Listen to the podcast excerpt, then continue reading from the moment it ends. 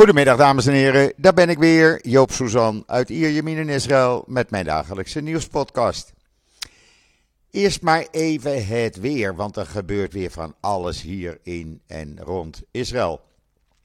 Nou, vanmorgen toen ik eh, de hond wou uitlaten, was er een enorme plensbui en dat hield een uur vol. Het was zelfs zo erg, ik probeerde de hond toch, eh, mijn hondje Mickey naar buiten te krijgen, maar hij weigerde gewoon. Hij wilde de regen niet in. Het was een enorme plensbui.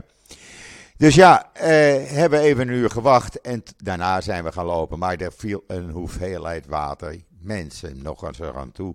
Dat valt normaal in een dag en dat viel nu in een uur. Maar goed, het is op dit moment 20 graden. Het is uh, bewolkt met uh, wat zon tussendoor. Het is gewoon lekker buiten en...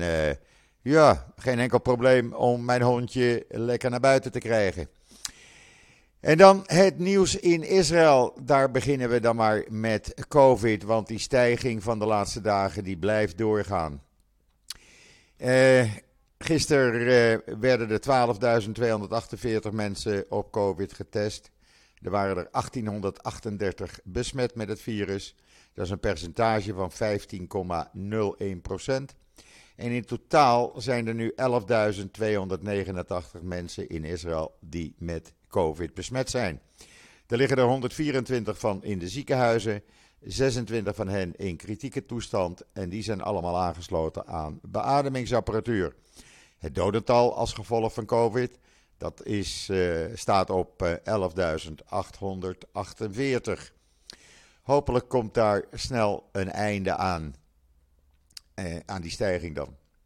En dan, nieuw Israëlisch onderzoek maakt niet-invasieve kankerverwijdering mogelijk. Jawel, eh, onderzoekers van de Universiteit van Tel Aviv hebben een nieuwe technologie ontwikkeld. Eh, die het mogelijk maakt om kankertumoren gericht te vernietigen. door een combinatie van ultrageluid en het injecteren van nanobellen in de bloedbaan.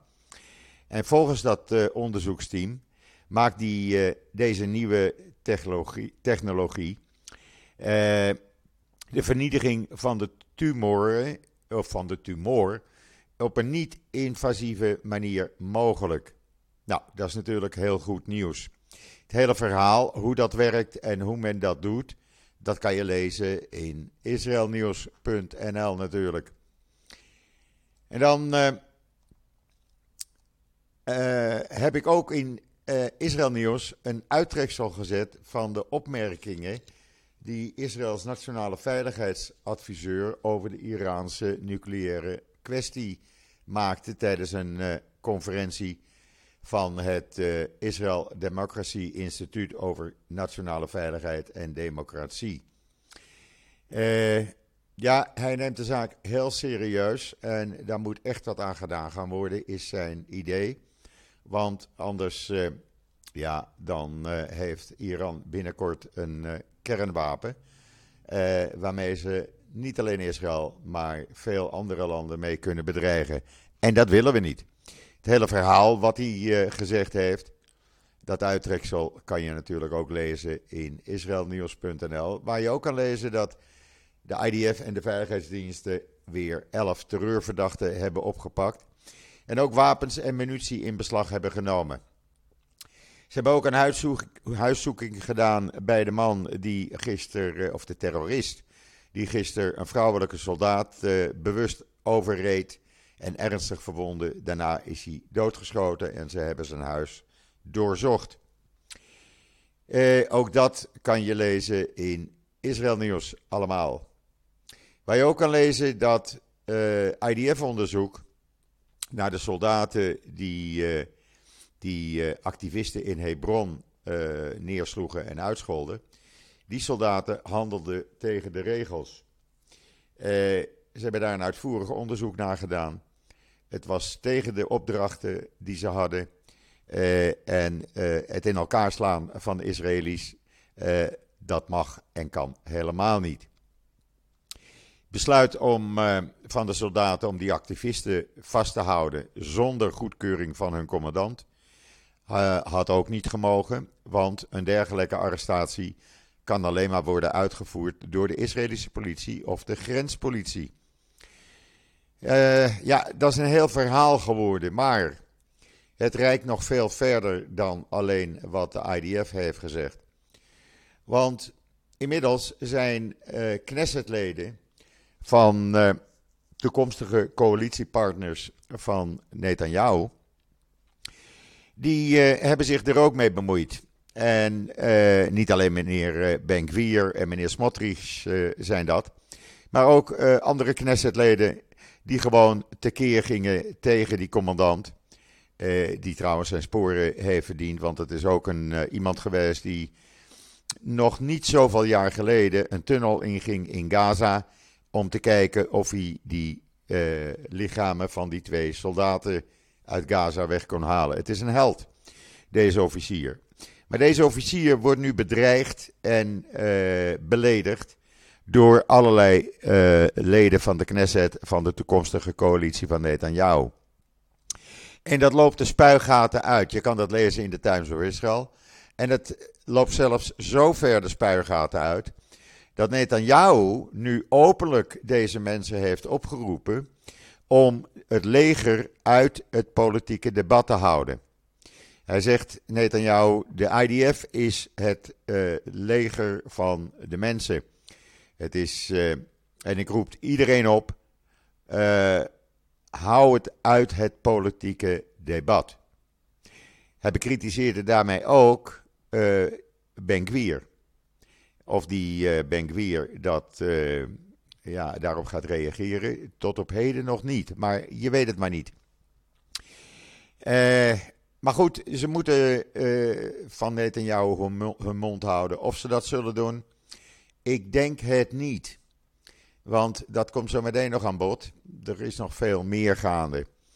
Maar dat zij dat, uh, dat hij die oproep heeft gedaan, betekent dat ze, uh, ja, dat ook hij vindt, Netanyahu, dat ze over de scheef zijn uh, gegaan. en dan de Mars van de Levenden. U weet wel, de mars waar, naar Auschwitz. Voor volgend jaar, die wordt geleid door de huidige en voormalige ambassadeurs van Amerika in Israël. Oftewel David Friedman, de voormalige ambassadeur van, van Amerika in Israël. En Thomas Naides, de huidige ambassadeur van, Israël, uh, van uh, Amerika in Israël.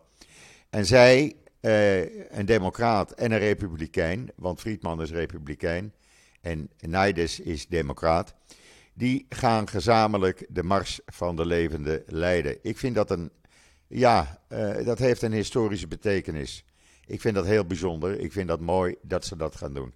Het hele verhaal, waarom ze het willen doen, staat in Israël Nieuws. En dan heeft premier Lapid gisteren een brief gestuurd naar tientallen wereldleiders, zo'n stuk of vijftig.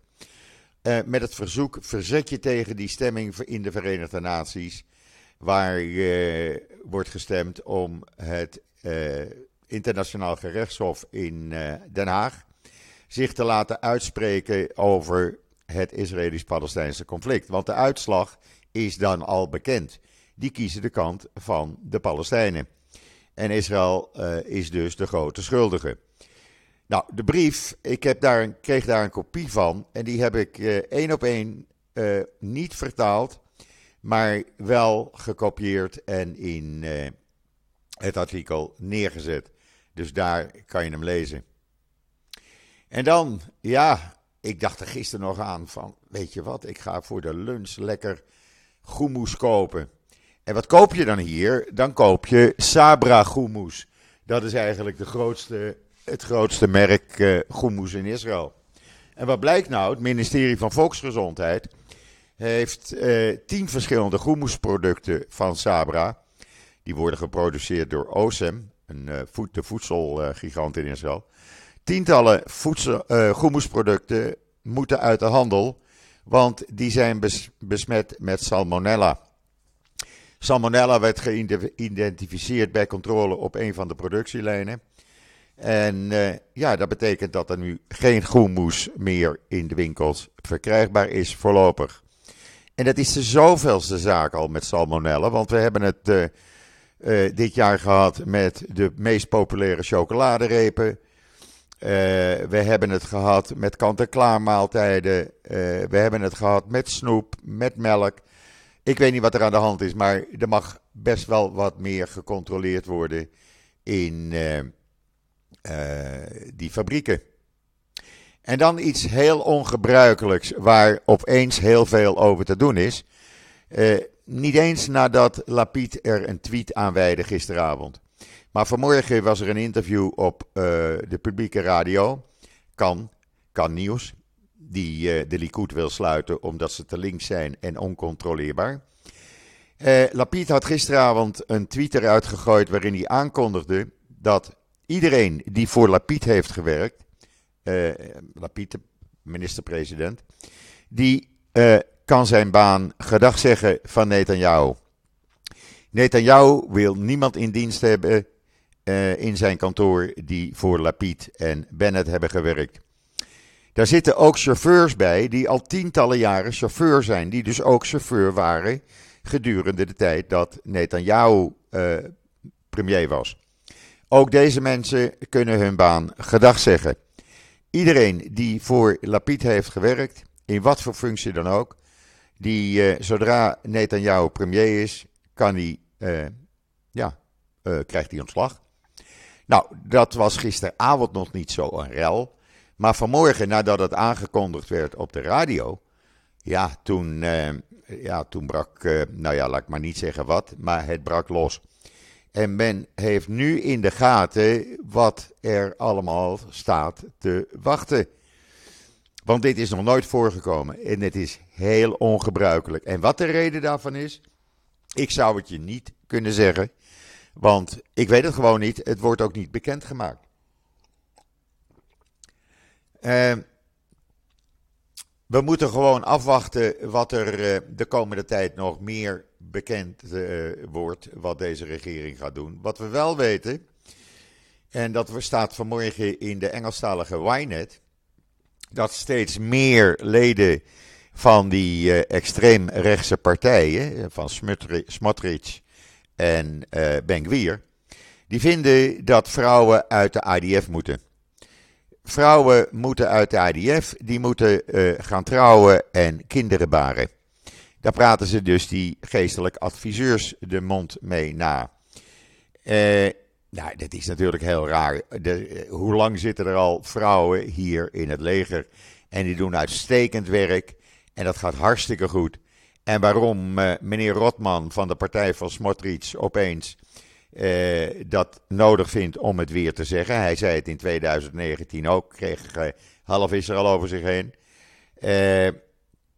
En uh, toen was Netanyahu premier en was hij zwaar erop tegen. Want zegt hij, vrouwen dragen een enorme bijdrage aan de veiligheid van Israël. en ik ben daar trots op, zei Netanyahu nu, toen, in 2019. Maar nou heeft Netanyahu daar niets over gezegd. Ja, vanmorgen dus, naar aanleiding van die beledigingen naar die officier, maar niets over de vrouwen. Ook meneer Maos, de uh, homohater, die uh, minister van Joodse identiteit wordt, ja, wat dat nou weer inhoudt, uh, wil dat vrouwen uit het leger gaan en gaan trouwen en kinderen baren. ja, ik weet niet waar, waar wij naartoe gaan hier. Ik vind het heel raar. En veel mensen vinden het nu raar. Want ja, het toont een beetje de richting aan van deze nieuwe regering. En dat vraagt ook de hoofdredactie van de Jeruzalem Post zich af, uh, vanmorgen in een artikel. Want vragen ze zich af, waarom uh, gaf Netanyahu toe aan de eisen van meneer Maos, de homohater en de man die dus openlijk uh, als eerste zei dat vrouwen uit dienst moeten. Nou, daar is een heel verhaal. Uh, wijt de hoofdredactie van uh, de Jeruzalem Post eraan. Even voor de goede orde: Jeruzalem Post is een rechtse krant. Je zou dus verwachten dat ze op de hand zijn van deze toekomstige coalitie.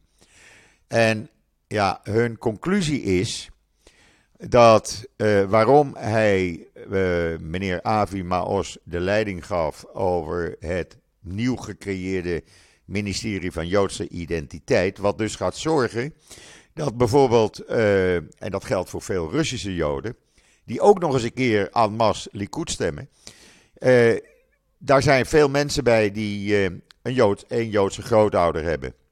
Een vader. Nou, die uh, werden nu onder een speciale wet als vol Joods aangezien en konden dus Aliyah maken naar Israël emigreren. meneer Maos gaat dat verbieden. En men vraagt zich dus af bij de Jeruzalem Post waarom haalde die Maos in zijn coalitie.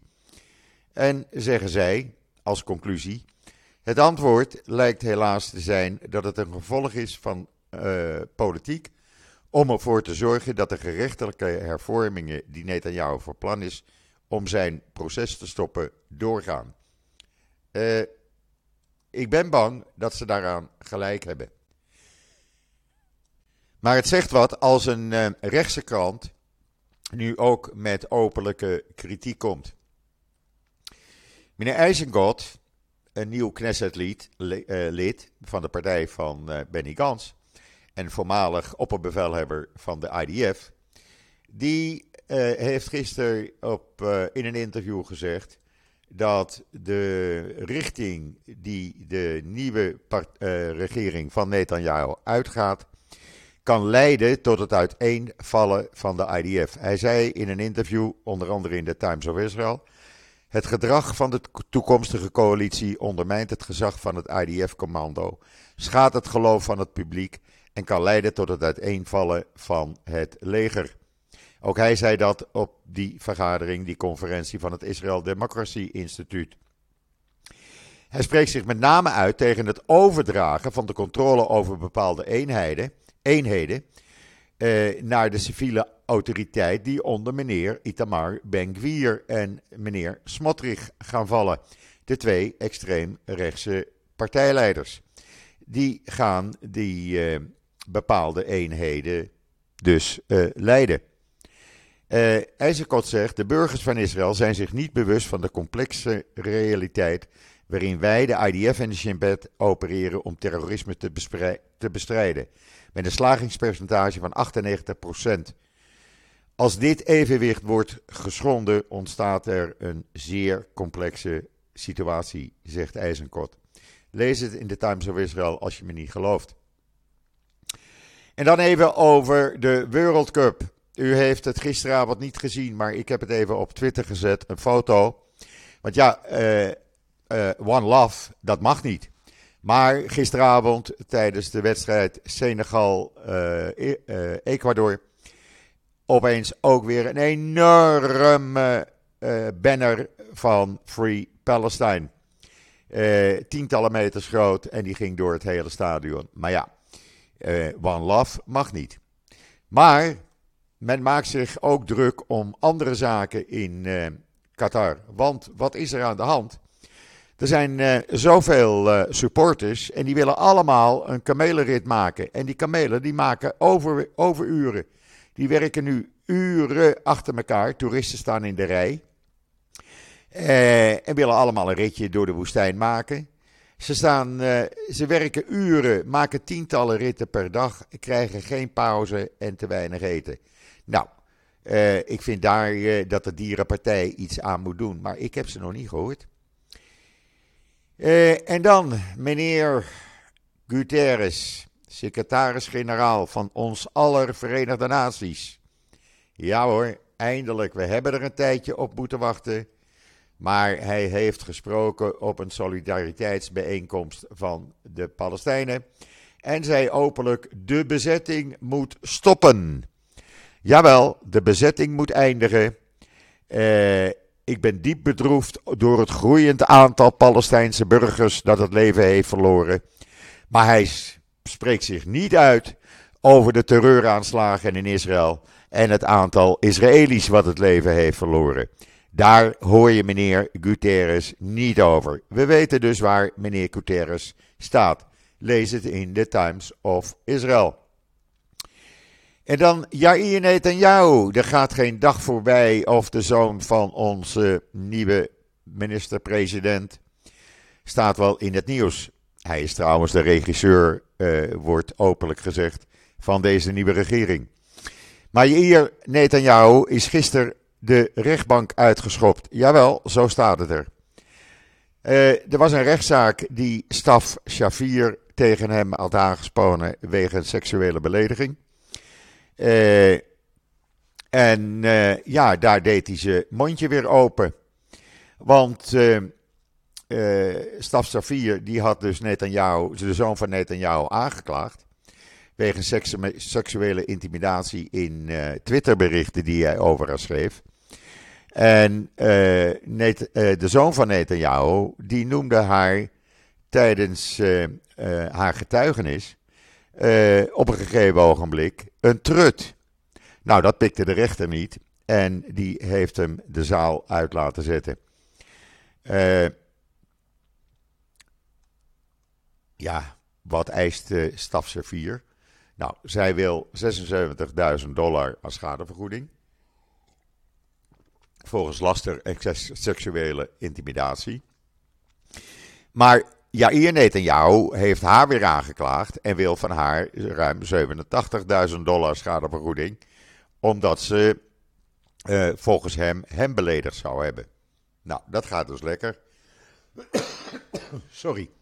Maar goed, uh, dit is dus de stijl van meneer Jair Netanyahu. En dan uh, de ambassadeur van Israël in de Verenigde Naties. Die heeft een tentoonstelling geopend over de Joodse verdrijving uit, uh, over de verdrijving van Joden uit Iran en andere Arabische landen. Want er wordt constant gezegd uh, en gesproken over de verdrijving van Arabieren uit Israël. Nou, wat dus helemaal niet waar is. Want die zijn er in 1948 uit op advies van de Arabische leiders zelf naar uh, uitgegaan. Want die Arabische leiders zeiden toen: Nou, wij verslaan de Joden wel even en met een paar dagen, met een paar dagen trek, kom je weer terug. Maar goed, uh, het hoofdkwartier van uh, de Verenigde Naties die gaat een tentoonstelling houden over de Palestijnen. Dus de Israëlische ambassadeur heeft deze tentoonstelling geopend. Uh, uh, waarop, wordt uh, waarop je kan zien hoe Joden zijn behandeld in Arabische landen en hoe ze die Arabische landen uit werden getrapt. Want zo ging het gewoon. En dan de Lufthansa. De Lufthansa moet 100 orthodoxe Joden uit Amerika ieder 20.000 dollar betalen. Waarom? Deze uh, mensen reis, reisden, uh, wanneer was dat? Dan moet ik even kijken. Ze reisden met Lufthansa naar uh, Israël, moesten overstappen in Frankfurt en kregen problemen omdat een aantal van hen geen mondkapje droeg. En toen werd die hele groep het vliegtuig uitgezet. En die moesten maar zien hoe ze uh, Israël bereikten. Nou, daar is een zaak tegen aangespannen, tegen de Lufthansa. En die moet dus nu 20.000 dollar aan iedere passagier betalen. Plus 1000 dollar voor gemaakte kosten tijdens het incident in mei dit jaar.